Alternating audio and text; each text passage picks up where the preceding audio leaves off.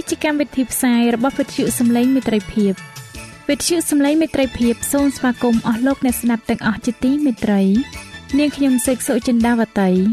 ហើយខ្ញុំបាទអង្ចាន់វិជ្ជៈក៏សូមស្វាគមន៍លោកអ្នកស្ដាប់ទាំងអស់ផងដែរនៅពេលនេះយើងខ្ញុំមានសេចក្តីសុំមនស្សរីករាយដោយបានវិលមកជួបអស់លោកអ្នកនាងកញ្ញាអ្នកស្ដាប់សាជាថ្មីម្ដងទៀត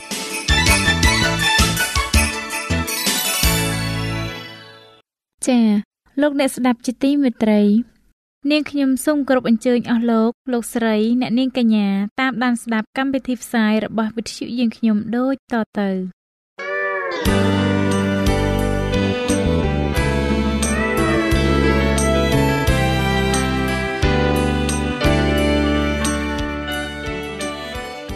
ព្រះបន្ទូលសម្រាប់អ្នកនៅថ្ងៃនេះ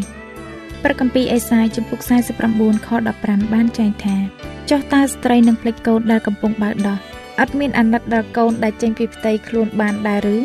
អើគេនឹងភ្លេចបានប៉ុន្តែអញមិនដែលភ្លេចឯងឡើយ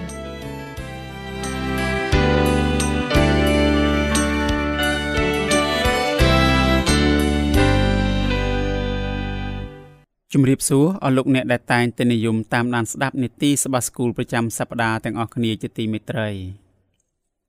មេរៀនរបស់យើងសម្រាប់សប្តាហ៍នេះមានចំណងជើងថា ទឹកជំនន់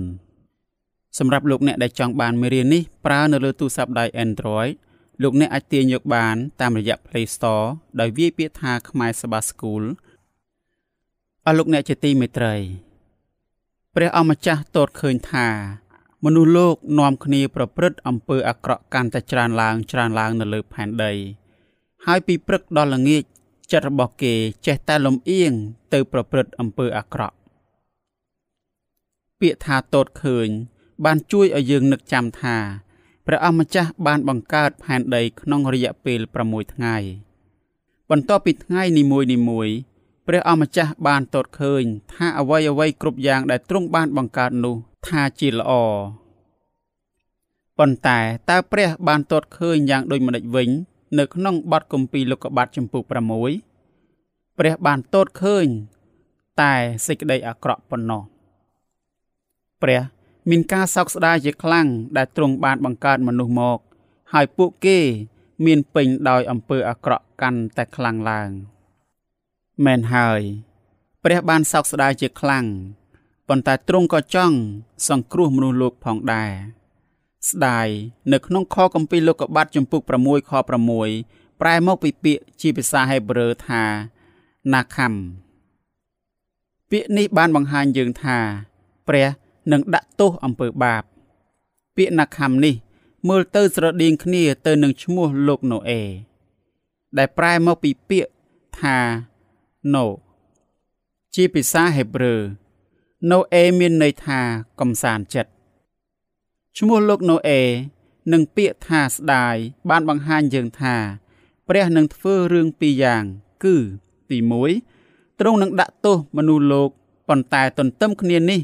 ទ្រង់នឹងធ្វើរឿងទី2គឺទ្រង់នឹងបង្ហាញសេចក្តីមេត្តាដល់ពួកគេផងដែរមែនហើយ ព្រះមានការសោកស្ដាយជាខ្លាំងដែលទ្រង់បានបង្កើតមនុស្សលោកមកម្ល៉េះហើយទ្រង់នឹងដាក់ទោសពួកគេដោយទឹកជំនន់ស្របនឹងគ្នានេះ ព្រះបានសន្យាថានឹងកំសាន្តចិត្តដល់លោកណូអេនិងគ្រួសាររបស់គាត់ ព្រះនឹងបង្ហាញសេចក្តីមេត្តាករុណាដល់ពួកគេ ទ្រង់នឹងការពារពួកគេនៅក្នុងទូកដ៏ធំ យើងតែងតែឃើញថា កូនប្រុសរបស់លោកកាអ៊ីន និងកូនប្រុសរបស់លោកសេតខុសគ្នាជានិច្ចឥឡូវនេះ ព្រះបានបង្ហាញយើងថា ការខណ្ឌចែកនេះ បានបន្តរវាងលោកណូអេនិងមនុស្សលោកដែលនៅសេសសល់តទៅទៀតប្រសិនបើលោកអ្នកអានគម្ពីរលោកុបាទចំពុក6ខ13 រហូតដល់ចំពុក7ខ10នោះលោកអ្នកនឹងបានរៀនអំពីប្រវត្តិនៃមនុស្សលោកនៅសម័យដើម ចេញពីរឿងដ៏គួរឲ្យភ្ញាក់ផ្អើលលោកអ្នកដឹងទេ លោកណូអេគឺជាហោរាម្នាក់ហោរាបានន័យថាគឺជាអ្នកដែលនាំសារដ៏ពិសេសមកពីព្រះជាម្ចាស់លោកណូអេគឺជាហោរាម្នាក់ដូចជាហោរាដានីយ៉ែលដែរ គាត់ទាំងពីរសុទ្ធតែបានចែកចាយអំពីចុងបំផុតនៃប្រវត្តិសាស្ត្រមនុស្សលោកព្រះបានបង្គាប់ឲ្យលោកណូអេសាងសង់ទូកមួយដើម្បីការពារខ្លួនគាត់និងក្រុមគ្រួសារចេញពីទឹកជំនន់ដែលនឹងត្រូវមក ពាក្យថាទូកប្រែមកពីពាក្យជាភាសាហេប្រឺថាទេវ៉ាក្រោយមកលោកម៉ូសេបានប្រើពាក្យដដែលនេះដើម្បីបង្ហាញយើងអំពី កន្ត្រកដែលម្ដាយរបស់គាត់បានដាក់គាត់កាលពីគាត់ នៅជាទារកនៅឡើយព្រះបានសង្គ្រោះទារកម៉ូសេនៅក្នុងកន្ត្រកនេះ ដើម្បីឲ្យលោកម៉ូសេអាចធំធាត់ឡើង និងអាចសង្គ្រោះសាសអ៊ីស្រាអែលបាន អ្នកប្រាជ្ញខាងឯព្រះគម្ពីរជាច្រើនអ្នកក៏បានបង្រៀនប្រៀបធៀបទូករបស់លោកណូអេទៅនឹងហឹបនៃសេចក្តីសញ្ញា ដែលជាទូកមួយទៀតផងដែរលោកណូអេបានសាងសង់ទូកដើម្បីសង្គ្រោះសត្វនិងគ្រួសាររបស់គាត់ រីឯហឹបនៃសេចក្តីសញ្ញាក៏បានបង្ហាញយើងថា ព្រះនឹងសង្គ្រោះរាជរបស់ទ្រង់ផងដែរដូច្នេះព្រះបានបង្គាប់ឲ្យលោកណូអេត្រៀមខ្លួនជាស្រេចសម្រាប់ទឹកជំនន់ដោយសាងសង់ទូកមួយ លោកណូអេក៏ធ្វើដូច្នោះតាមគ្រប់ទាំងសេចក្តីដែលព្រះបានបង្គាប់ដល់គាត់ពាក្យថាធ្វើប្រែមកពីពាក្យជាភាសាហេប្រឺថាអាសាកិរិយាសព្ទធ្វើ គឺជាចម្លើយឆ្លើយតបរបស់លោកណូអេទៅនឹងសេចក្តីបង្គាប់របស់ព្រះព្រះបានបណ្ដាលឲ្យលោកម៉ូសេបានសរសេរកិរិយាសព្ទនេះចំនួន5ដងនៅក្នុងគម្ពីរលោកុបាតជំពូក6ខ14ដល់ខ16កិរិយាសព្ទធ្វើនិងបង្កើត បានបង្ហាញយើងថា លោកម៉ូសេបានគ្រប់តាមព្រះទាំងស្រុងលោកណូអេបានធ្វើអ្វីអ្វីគ្រប់យ៉ាងដែលព្រះបានបង្គាប់ដល់លោក លោកណូអេបានគោរពតាមព្រះ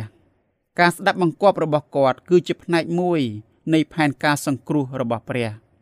ព្រះបានសង្គ្រោះលោកណូអេដោយសារតែគាត់មានសេចក្តីជំនឿក្នុងការធ្វើអ្វីអ្វីគ្រប់យ៉ាងដែលព្រះសុំដល់គាត់លោកណូអេគឺជាគំរូនៃសេចក្តីជំនឿដំបូងដែលបានលេចមកតាមរយៈការគោរពតាមទ្រង់សេចក្តីជំនឿនេះសំខាន់ណាស់គឺសំខាន់ជាងអ្វីអ្វីទាំងអស់តើហេតុអ្វី បានជាមានក្រុមគ្រួសាររបស់លោកណូអេតែប៉ុណ្ណោះដែលបានរួចផុតពីទឹកជំនន់នោះអស់លោកអ្នកជាទីមេត្រី យើងបានឃើញអំពីកិរិយាសព្ទដែលមានន័យថាធ្វើដែលជាភាសាហេប្រឺថាអាសារួចមកហើយកិរិយាសព្ទនេះបានបង្ហាញយើងអំពីទង្វើរបស់លោកណូអេពាក្យនេះក៏ជាពាក្យសំខាន់មួយនៅក្នុងរឿងស្ដីអំពីរបៀបដែលព្រះបានបង្កើតផ្ទៃមេឃនិងផែនដីផងដែរ ទង្វើរបស់លោកណូអេដូចគ្នាទៅនឹងទង្វើរបស់ព្រះ នៅពេលដែលទ្រង់បង្កើតផ្ទៃមេឃនិងផែនដីដូច្នេះតើទំនាក់ទំនងរវាងរឿងទាំងពីរនេះ បានបង្ហាញយើងយ៉ាងដូចម្ដេចទំនាក់ទំនងនេះបង្ហាញយើងថា ទឹកជំនន់មិនមែនត្រឹមតែជាទណ្ឌកម្មប៉ុណ្ណោះទេប៉ុន្តែវាក៏បានបង្ហាញយើងអំពីរបៀបដែលព្រះចង់សង្គ្រោះមនុស្សលោកថែមទៀតផងលោកអ្នកអាចអានបន្ថែមនៅក្នុងគម្ពីរលោកុបាទចំពុក7 រួចសួរសំណួរនេះថាតើហេតុអ្វីបានជារឿងនៃទឹកជំនន់នេះអាចជួយឲ្យយើងនឹកចាំអំពីរបៀបដែលព្រះបានបង្កើតផ្ទៃមេឃនិងផែនដីយ៉ាងដូចនេះតើយើងអាចរៀនមេរៀនអ្វីខ្លះចេញពីទំនាក់ទំនងនៃរឿងទាំងពីរនេះអស់លោកអ្នកជាទីមេត្រី នៅពេលដែលលោកអ្នកបានអានអំពីរឿងស្ដីអំពីទឹកជំនន់នេះលោកអ្នកនឹងឃើញថារឿងនេះបានប្រើពាក្យដូចគ្នាទៅនឹងបទគម្ពីរលោកុបាតជំពូក1និងជំពូក2ជាច្រើនដង នេះជាបញ្ជីពាក្យដែលបានឃើញនៅក្នុងរឿងទាំងពីរនេះរឿងនៃទឹកជំនន់ស្រដៀងគ្នាទៅនឹងរឿងនៅក្នុងបទគម្ពីរលោកុបាតជំពូក1និងជំពូក2ជាខ្លាំងរឿងនៅក្នុងបទគម្ពីរនេះ បានជួយឲ្យយើងមើលឃើញថាព្រះបានបង្កើតអ្វីអ្វីគ្រប់យ៉ាងទ្រង់ក៏ជាព្រះតែមួយដែលមានអំណាចក្នុងការបំផ្លាញអ្វីអ្វីគ្រប់យ៉ាងផងដែរពាក្យទាំងនេះក៏ជាសារមួយនៃសេចក្តីសង្ឃឹមផងដែរគឺថា ព្រះ នឹងប្រើទឹកជំនន់ដើម្បីធ្វើឲ្យអ្វីអ្វីគ្រប់យ៉ាងនៅលើផែនដីនេះថ្មីឡើងវិញម្ដងទៀតការជន់ជោនៃទឹកជំនន់បានបង្ហាញយើងថាព្រះកំពុងតែបង្វែរអ្វីអ្វីគ្រប់យ៉ាងដែលទ្រង់បានបង្កើតនៅក្នុងបទគម្ពីរលោកុបាតជំពូក1ឡើងវិញក្នុងគម្ពីរលោកុបាតជំពូក1ខ7ព្រះបានញែកទឹកនៅលើមេឃចេញពីទឹកនៅក្រៅមេឃរីឯនៅក្នុងទឹកជំនន់វិញ ព្រះបានបញ្ជូនទឹកនៅលើមេឃ និងទឹកនៅក្រៅមេឃចូលគ្នាមកវិញ បន្ទាប់មក ទឹកទាំងនោះបានផ្ទុះឡើងបណ្ដាលឲ្យកើតជាទឹកជំនន់ដ៏ធំពីសពេញលើផែនដីទាំងមូលតើយើងគួរតែអនុញ្ញាតឲ្យព្រះបំផ្លាញអ្វីខ្លះនៅក្នុងចិត្តរបស់យើងមុនពេលដែលទ្រង់អាចប្រទានជីវិតថ្មីមួយដល់យើងបាននោះសម្រាប់ចម្លើយលោកអ្នកអាចអាននៅក្នុងគម្ពីររ៉ូមជំពូក6ខ1ដល់ខ6 គម្ពីរលោកុបាទជំពូក7ខ22ដល់ខ24បានបង្ហាញយើងថា ទឹកជំនន់លុបបំបាត់សត្វលោកទាំងប៉ុន្មានអស់ពីផែនដី យើងក៏បានដឹងថា ទឹកជំនន់នោះ បានលិចទូទាំងពិភពលោក ទឹកធំនោះក៏ត្រឹងនៅលើផែនដីអស់150ថ្ងៃ នៅពេលនោះ ព្រះបាននឹកចាំពីលោកណូអេ ពាក្យទាំងនេះត្រូវបានសរសេរនៅពាក្យកណ្ដាលសាច់រឿងនៃទឹកជំនន់ម្ល៉េះហើយយើងអាចឃើញថាគោលគំនិតនេះគឺជាផ្នែកមួយដ៏សំខាន់បំផុតនៅក្នុងរឿងនេះ ពាក្យថាព្រះបាននឹកចាំពីលោកណូអេមានន័យយ៉ាងដូចម្ដេចពាក្យនឹកចាំនេះ នៅក្នុងគម្ពីរលោកុបាទជំពូក8ខ1បានប្រែមកពីពាក្យជាភាសាហេប្រឺគឺសាខា ពាក្យសាខានេះបង្ហាញយើងថា ព្រះមិនបានភ្លេចលោកណូអេនោះឡើយពាក្យនេះមានអត្ថន័យលើសពីការគិតអំពីមនុស្សម្នាក់ឬរបស់អ្វីមួយនោះទៅទៀតពាក្យនេះបង្ហាញយើងថា ព្រះនឹងរក្សាសេចក្តីសន្យានៃការសង្គ្រោះរបស់ទ្រង់នៅក្នុងរឿងនៃទឹកជំនន់នេះពាក្យព្រះបាននឹកចាំបានបង្ហាញយើងថា ព្រះបានបញ្ឈប់ទឹកជំនន់ដូច្នេះលោកណូអេនឹងអាចចេញពីទូកក្នុងពេលឆាប់ឆាប់នេះ មុនពេលដែលព្រះបង្គាប់ឲ្យលោកណូអេចេញពីទូក លោកណូអេបានធ្វើការសាកល្បងមួយ ជាដំបូងលោកណូអេបានប្រឡែងសត្វក្អែកមួយក្បាល បន្ទាប់មកគាត់បានប្រឡែងសត្វព្រាបមួយទៀតដើម្បីសង្កេតមើលកម្ពស់ទឹកនៅលើផែនដី នៅពេលដែលសត្វព្រាបលែងត្រឡប់មកវិញ លោកណូអេបានដឹងថា ទឹកបានរីងស្ងួតពីផែនដីហើយ បន្ទាប់មកគាត់បានបើកបង្អួចសម្លឹងទៅខាងក្រៅទូក យើងអាចរៀនមេរៀនសំខាន់សំខាន់ចេញពីអេរិយាបថរបស់លោកណូអេនៅក្នុងរឿងនេះ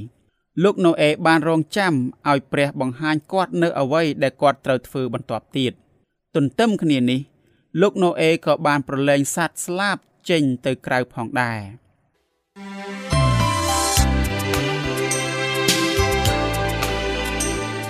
សេចក្តីជំនឿកើតឡើងដោយលឺ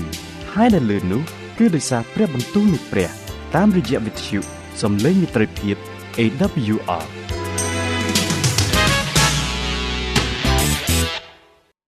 អរលោកអ្នកជាទីមេត្រីសេចក្តីជំនឿមិនរាប់បញ្ចូលកតបកិច្ចដើម្បីគិតស្វែងរក និងពិនិត្យថាអ្វីដែលយើងបានដឹងនោះជាការពិតនោះឡើយតើលោកអ្នកបានឃើញដែរឬទេថាលោកណូអេមិនព្រមចេញពីទូកឡើយលុះត្រាតែព្រះបានបង្គាប់ដល់គាត់ជាមុនសិន លោកណូអេបានដឹងថា ខាងក្រៅមានសវត្ថភាពហើយប៉ុន្តែគាត់រងចាំការអនុញ្ញាតពីព្រះជាម្ចាស់ជាមុនសិន មុនពេលដែលគាត់ចាក់ចេញពីទូកមក លោកណូអេបានចូលទៅក្នុងទូកតាមសេចក្តីបង្គាប់របស់ព្រះជាម្ចាស់ហើយឥឡូវនេះគាត់ក៏កំពុងតែរងចាំការអនុញ្ញាតពិសេសមកពីព្រះដើម្បីឲ្យគាត់ចាក់ចេញពីទូកមកវិញដែរនៅទីបំផុត មានទេវតាមួយអង្គបានចុះពីលើមេឃមក ទេវតានោះបានបើកទ្វារទូកដ៏ធំ និងធ្ងន់នោះចេញ បន្ទាប់មកទេវតាក៏បានប្រាប់ឲ្យលោកណូអេនិងគ្រួសាររបស់គាត់ចាក់ចេញពីទូកជាមួយនឹងសត្វដទៃផងដែរពាក្យថាព្រះបាននឹកចាំ មានន័យយ៉ាងដូចម្ដេចសម្រាប់ចម្លើយ លោកអ្នកអាចអាននៅក្នុងគម្ពីរលោកុបាទជំពូក8ខ1ជំពូក19ខ29និងគម្ពីរទំនុកដំកើងជំពូក106ខ4 តើព្រះបានបង្ហាញលោកអ្នកថាទ្រង់បាននឹកចាំពីលោកអ្នកដោយរបៀបណាដែរអស់លោកអ្នកជាទីមេត្រីឥឡូវនេះដល់ពេលដែលព្រះត្រូវរក្សាសេចក្តីសញ្ញារបស់ទ្រង់ហើយមុនទឹកជំនន់ព្រះបានបង្គាប់ឲ្យលោកណូអេថាអញនឹងតាំងសេចក្តីសញ្ញាអញចំពោះឯងហើយឯងនឹងចូលទៅក្នុងទូកធំនោះព្រមទាំងប្រពន្ធកូន និងកូនប្រសាឯងជាមួយនឹងឯងដែរ សេចក្តីសន្យានេះខុសគ្នាស្រឡះពីសេចក្តីប្រកាសរបស់ព្រះ នៅក្នុងគម្ពីរលោកុបាទចំពុក6ខ17ក្នុងគម្ពីរលោកុបាទចំពុក6ខ17ព្រះបានប្រកាសថាទ្រង់នឹងបំផ្លាញសត្វលោកទាំងអស់ដែលមានដង្ហើមជីវិតប៉ុន្តែក្នុងគម្ពីរលោកុបាទជំពូក6ខ18ព្រះបានសន្យានឹងលោកណូអេថាទ្រង់នឹងសង្គ្រោះគាត់តើលោកណូអេបានធ្វើអ្វីមុនគេបង្អស់នៅពេលដែលគាត់បានចេញពីទូកមក តើហេតុអ្វីបានជាលោកណូអេធ្វើកិច្ចការនេះមុនពេលដែលគាត់ធ្វើអ្វីផ្សេងទៀតសម្រាប់ចម្លើយលោកអ្នកអាចឃើញនៅក្នុងព្រះគម្ពីរលោកុបាទចំពុក8ខ20អស់លោកអ្នកជាទីមេត្រី បន្ទាប់ពីព្រះបានបង្កើតលោកអាដាមនិងនាងអេវ៉ាព្រមទាំងរបស់ផ្សេងផ្សេងរួចមកប្តីប្រពន្ធទាំងពីរនាក់បានថ្វាយបង្គំព្រះនៅថ្ងៃសាបាតដែលជាថ្ងៃទី7នៃសប្តាហ៍ទន្ទឹមនឹងគ្នានេះ លោកណូអេបានថ្វាយបង្គំព្រះ នៅពេលដែលគាត់បានចេញពីទូកមកប៉ុន្តែលោកណូអេមិនបានថ្វាយបង្គំព្រះដូចជាលោកអាដាមនិងនាងអេវ៉ានោះទេលោកអាដាមនិងនាងអេវ៉ាបានថ្វាយបង្គំព្រះមុខទល់នឹងមុខចំណែកឯលោកណូអេត្រូវតែសម្លាប់សត្វមួយ រួចថ្វាយវាដល់ព្រះ ដែលគាត់មើលមិនឃើញនេះជាលើកទី1ហើយនៅក្នុងព្រះគម្ពីរដែលយើងបានអានអំពីអាសនា លោកណូអេបានថ្វាយដង្វាយដុតមួយដល់ព្រះ ដង្វាយនេះ បានបង្ហាញយើងថា លោកណូអេបានថ្លែងអំណរគុណដល់ព្រះ ដែលបានសង្គ្រោះគាត់ចេញពីទឹកជំនន់តើទឹកជំនន់បានផ្លាស់ប្ដូររបបអាហាររបស់មនុស្សលោកដោយរបៀបណាតើព្រះបានប្រទានក្បួនច្បាប់សំខាន់សំខាន់អ្វីខ្លះដល់មនុស្សលោកតាក់ទងនឹងរបបអាហារនេះ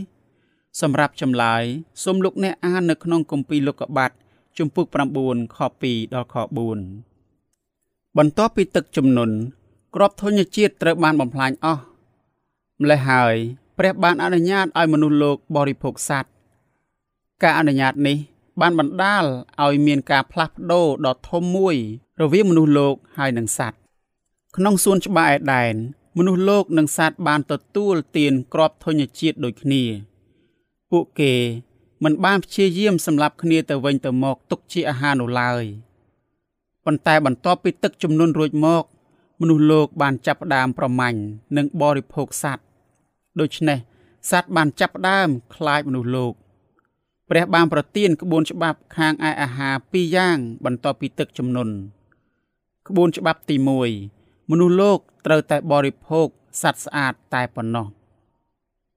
ក្បួនច្បាប់ទី2 គឺជាក្បួនច្បាប់ថ្មីមួយ មនុស្សលោកមិនត្រូវបរិភោគឈាមនៃសត្វណាមួយឡើយអស់លោកអ្នកជាទីមេត្រីព្រះបានសន្យាថានឹងមិនដាក់បណ្ដាសា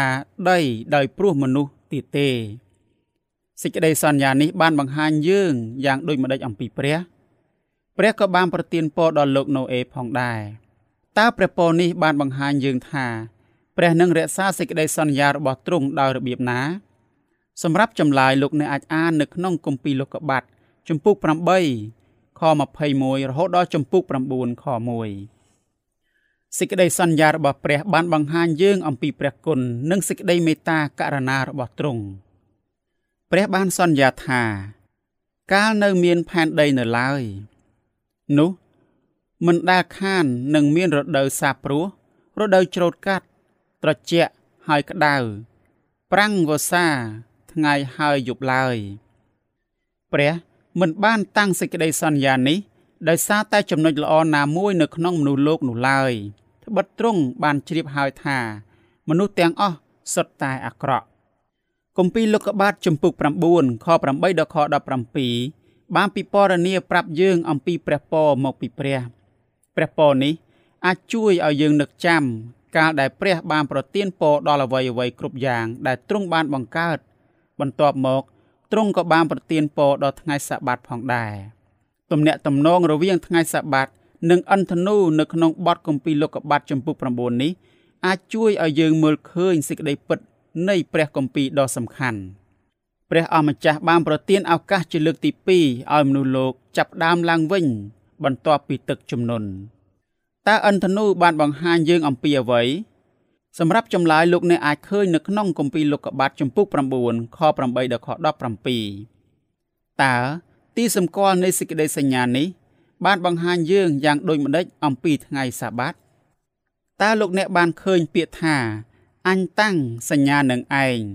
និងសេចក្តីសញ្ញាដែលអញបានតាំងនៅក្នុងគម្ពីរលោកុបាទចំពុក9ខ9ខ11និងខ17ដែរឬទេ ពាក្យទាំងនេះបានបង្ហាញយើងថាព្រះបានរក្សាសេចក្តីសន្យាដែលទ្រង់តាំងឡើងជាមួយនឹងលោកណូអេនៅក្នុងគម្ពីរលោកុបាទចំពុក6ខ18យើងក៏បានឃើញពាក្យថាសេចក្តីសញ្ញាដែលបានសរសេរចំនួន7ដងនៅក្នុងគម្ពីរលោកុបាទចំពុក9ខ8ដល់ខ17ជាការពិតណាស់អស់លោកអ្នកទាំងអស់គ្នាទូរលេខនេះបានជួយឲ្យយើងនឹកចាំអំពីថ្ងៃសបាត ដែលជាថ្ងៃទី7នៃសប្តាហ៍ទាំងអន្តនូនិងថ្ងៃសបាតគឺជាទីសម្គាល់នៃសេចក្តីសញ្ញា ទាំងថ្ងៃសបាតនិងសេចក្តីសន្យានៃអន្តនូក៏សម្រាប់មនុស្សគ្រប់គ្នានៅលើផែនដីនៅពេលបច្ចុប្បន្ននេះផងដែរថ្ងៃសបាតបានដង្ហើយហៅឲ្យមនុស្សគ្រប់គ្នា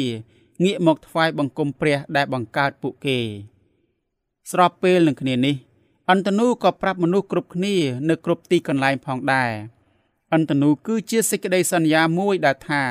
ព្រះនឹងមិនបំផ្លាញផែនដីនេះដោយទឹកជំនន់ដ៏ធំនោះទៀតឡើយនៅពេលដែលលោកអ្នកបានឃើញអន្តនូក្រោយមកទៀតសូមគិតអំពីសេចក្តីសន្យាទាំងអស់ដែលព្រះបានប្រទានដល់លោកអ្នកតើហេតុអ្វីបានជាយើងអាចជឿទុកចិត្តសេចក្តីសន្យាទាំងអស់នេះបានតើអន្តនូបានបង្ហាញយើងថា យើងអាចជឿទុកចិត្តថាព្រះប្រកាសជានឹងរក្សាសេចក្តីសន្យារបស់ទ្រង់ដោយរបៀបណាដែរយើងអាចធ្វើការប្រៀបធៀប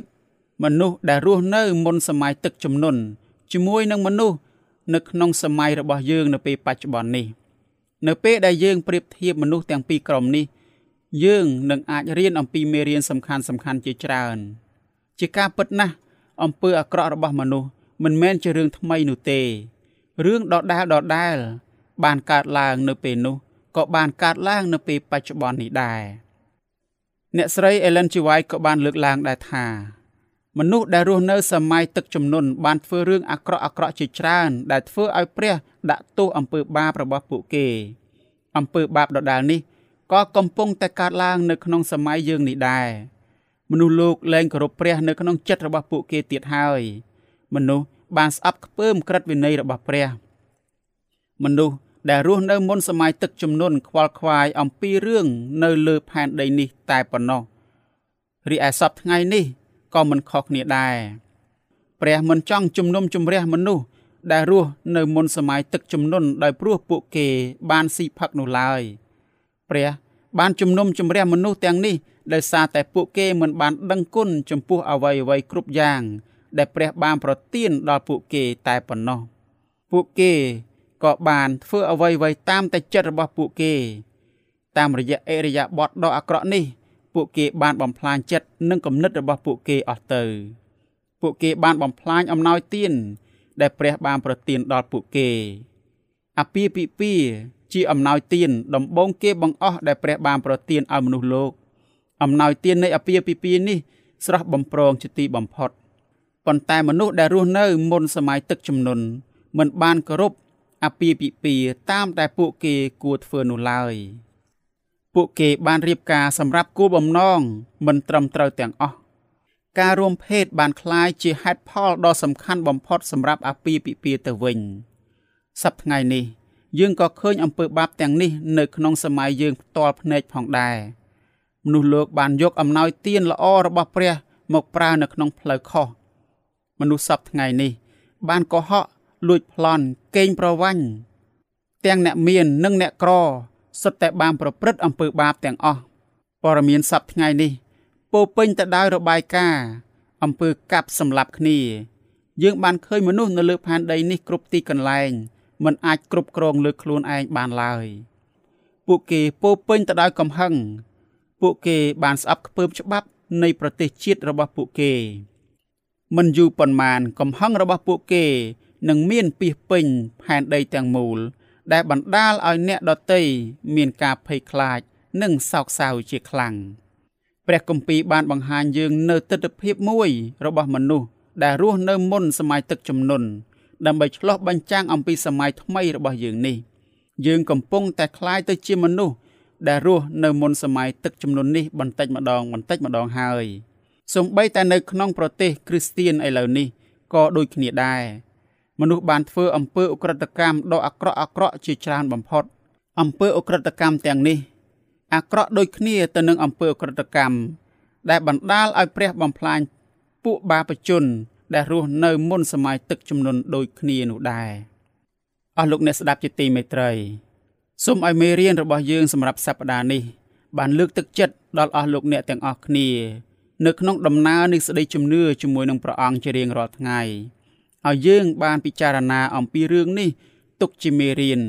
ហើយងាកចេញពីអំពើអាក្រក់ទាំងឡាយនៅក្នុងជីវិតរបស់យើង ដើម្បីកុំឲ្យយើងជាប់មានទោសដូចជាអ្នកដែលត្រូវបានបំផ្លាញនៅពេលនោះដែរសូមឲ្យយើងបានជ្រើសរើសយកព្រះអង្គជាព្រះរបស់យើងនៅក្នុងជីវិតគ្រប់គ្រប់គ្នា ហើយអនុវត្ត ព្រមទាំងប្រព្រឹត្តនៅក្នុងជីវិតរបស់យើង ទៅតាមសេចក្តីពិតដែលទ្រង់បានបង្រៀនខព្រះគម្ពីរដ៏សំខាន់ចុងក្រោយដែលខ្ញុំសូមលើកឡើងទុកជាចំណងដៃដល់អស់លោកអ្នកទាំងអស់គ្នាសម្រាប់មេរៀននេះ គឺគម្ពីរម៉ាថាយជំពូក24ខ37ដែលបានចែងថាត្បិតកាលណាកូនមនុស្សមក នោះនឹងបានដូចជានៅចំនួនលោកណូអេដែរអស់លោកអ្នកជាទីមេត្រី សូមឲ្យព្រះទ្រង់បានប្រទានពរដល់អស់លោកអ្នកទាំងអស់គ្នាសូមឲ្យអស់លោកអ្នកមានកម្លាំងនិងប្រាជ្ញា មកអំពីព្រះក្នុងការរស់នៅ ជាកូនដ៏គប់ប្រហារតីដល់ព្រះនៃម្ចាស់សួគ៌កម្មវិធីនេះនឹងវិលត្រឡប់ មកជួបអស់លោកអ្នកជាថ្មីម្ដងទៀតនៅសប្តាហ៍ក្រោយ សូមអរគុណ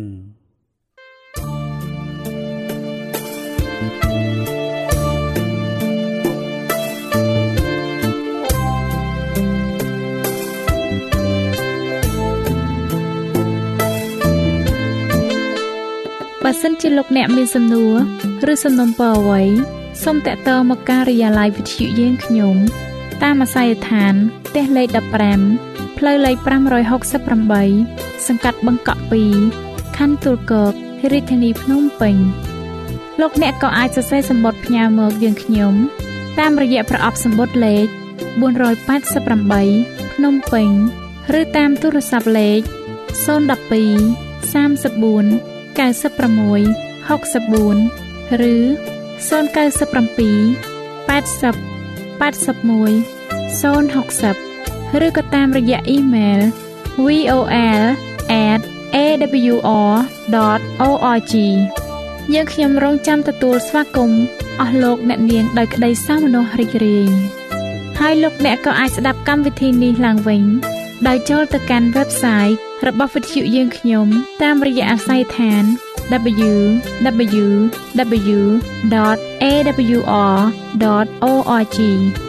លោកអ្នកនាងកញ្ញាជាទីមេត្រី កម្មវិធីផ្សាយរបស់វិទ្យុសំឡេងមេត្រីភាពនៅពេលនេះសូមបញ្ចប់តែប៉ុណ្ណេះយើងខ្ញុំសូមអរគុណចំពោះការតាមដានស្ដាប់របស់អស់លោកអ្នកតាំងពីដើមរហូតដល់ចប់យើងខ្ញុំសូមជូនពរឲ្យអស់លោកអ្នកនាងកញ្ញាទាំងអស់